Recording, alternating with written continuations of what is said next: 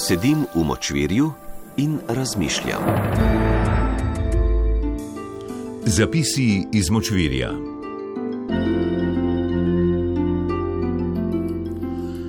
Pred nekaj tedni je država osrečila vso mladež in večino starejših z uvedbo digitalnega bona. Ker očitno postajamo družba bonov, smo tudi slednje sprejeli z odprtimi rokami. Digitalni boni pomenijo, da si bodo lahko mladi in starejši od 55 let nakupili računalniške opreme in digitalno zadihali s polnimi pljuči. Ampak obstaja manjša razlika, za katero bomo v današnji oddaji dokazali, da je ne le rahlo diskriminatorna, temveč tudi zgodovinsko netočna. Digitalni boni imajo manjši kavelc. Medtem ko se lahko učenci višjih razredov osnovnih šol, srednješolci in študentje 150 evri napasajo računalniške opreme do sitega, morajo starejši od 55 let najprej v tečaj. Gre za tečaj osnovne računalniške pismenosti in ko ga bodo uspešno upravili, bodo šele deležni vhoda v harem prenosnikov, trdih diskov, mišk in tipkovnic. Misel, ki stoji za to varovalko, je pri zakonodajalcu oziroma pri modrecih Ministrstva za digitalno preobrazbo jasna.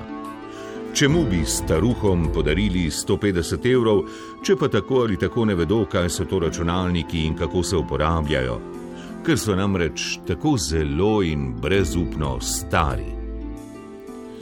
Torej se mora država kot dober gospodar skozi posebno obliko gerontološke digitalne vzgoje najprej zavarovati, da ne bodo šli boni v nič.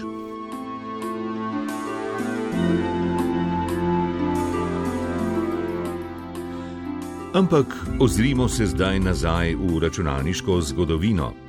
Od letošnjega leta odštejmo 55 let in jih na to prištejmo 18, da dobimo letnico 1985, ki natančno sovpada z začetkom digitalne revolucije na naših tleh.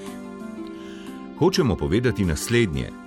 Generacije, ki so danes stare nekje od 50 do 65 let, so bile zraven, ko se je zgodilo.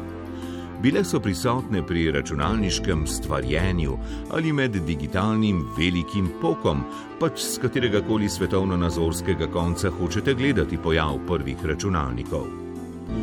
Bili smo tam, medtem ko so bile današnje generacije šele v naših oddaljenih fantazijah. In za nagrado, ker smo urali mnogokrat rigidno socialistično ledino digitalne preobrazbe, nas pošiljajo v tečaj. VTF bomo uporabili priljubljen digitalni vzklik generacij, ki jim v tečaj ni potrebno. Pripovedujmo torej o tistih časih, generacijam preko 55 v spomin in Ministrstvu za digitalno preobrazbo v poduk. Takratni računalniki niso bili samovozeči stroji, pri katerih večino upravljanja naredijo logaritmi. Ne, bili so bolj kot ne manufakturna pomagala, občutljivi kot mi moze, ki so prenehali sodelovati v trenutku, ko si ga kaj polomil.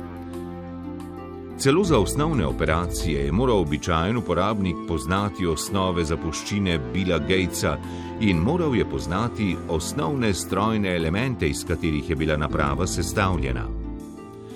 Polniti in vzdrževati njen spomin je bilo zapleteno pravilo, priklicati njene aplikativne potencijale še toliko bolj.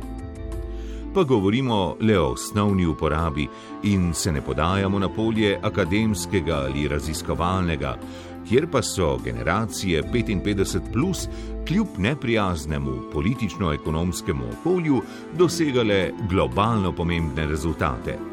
Od razvijanja lastnih naprav do inštalacij superračunalnikov in podobno. Drži, da so računalniki sčasoma postajali vedno bolj uporabniku prijazni, vse do današnjih naprav, ki so povsem avtomatizirane. In Ministrstvo za digitalno preobrazbo s svojimi tečaji ne razume ne zgodovinskega razvoja digitalizacije, kot tudi ne loči bistva od pojavnosti. Kar govori, da je modro imeti družboslovca v vsaki službi.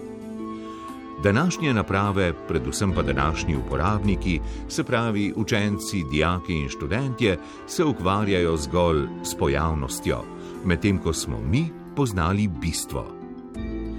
Poplave in kultura aplikacij ste jih spremenili v računalniško nepismene. Njihovo razumevanje tako naprav kot procesa digitalizacije je zgolj razumevanje aplikacij in je podobno znakovnemu jeziku, s katerim trenirajo primate. Se pravi, da ne razumejo nobenega od procesov, ki tečejo v ozadju teh aplikacij. Res pa je, da so izjemno spretni pri njihovi aplikativni vlogi spretni do te mere, da so ustvarili kulturo aplikacij, ki pa nima z digitalizacijo v najširšem pomenu besede ničesar skupnega. Ima sicer mnogo skupnega z digitalno preobrazbo družbe, a po našem skromnem mnenju ta preobrazba ne vodi v pravo smer. Generacije, ki bodo morale za 150 evrov v tečaj, so računalniško opremo razumele kot digitalni objekt. Mladež, ki dobi 150 evrov na lepe oči, je ta ista oprema spremenila v subjekt.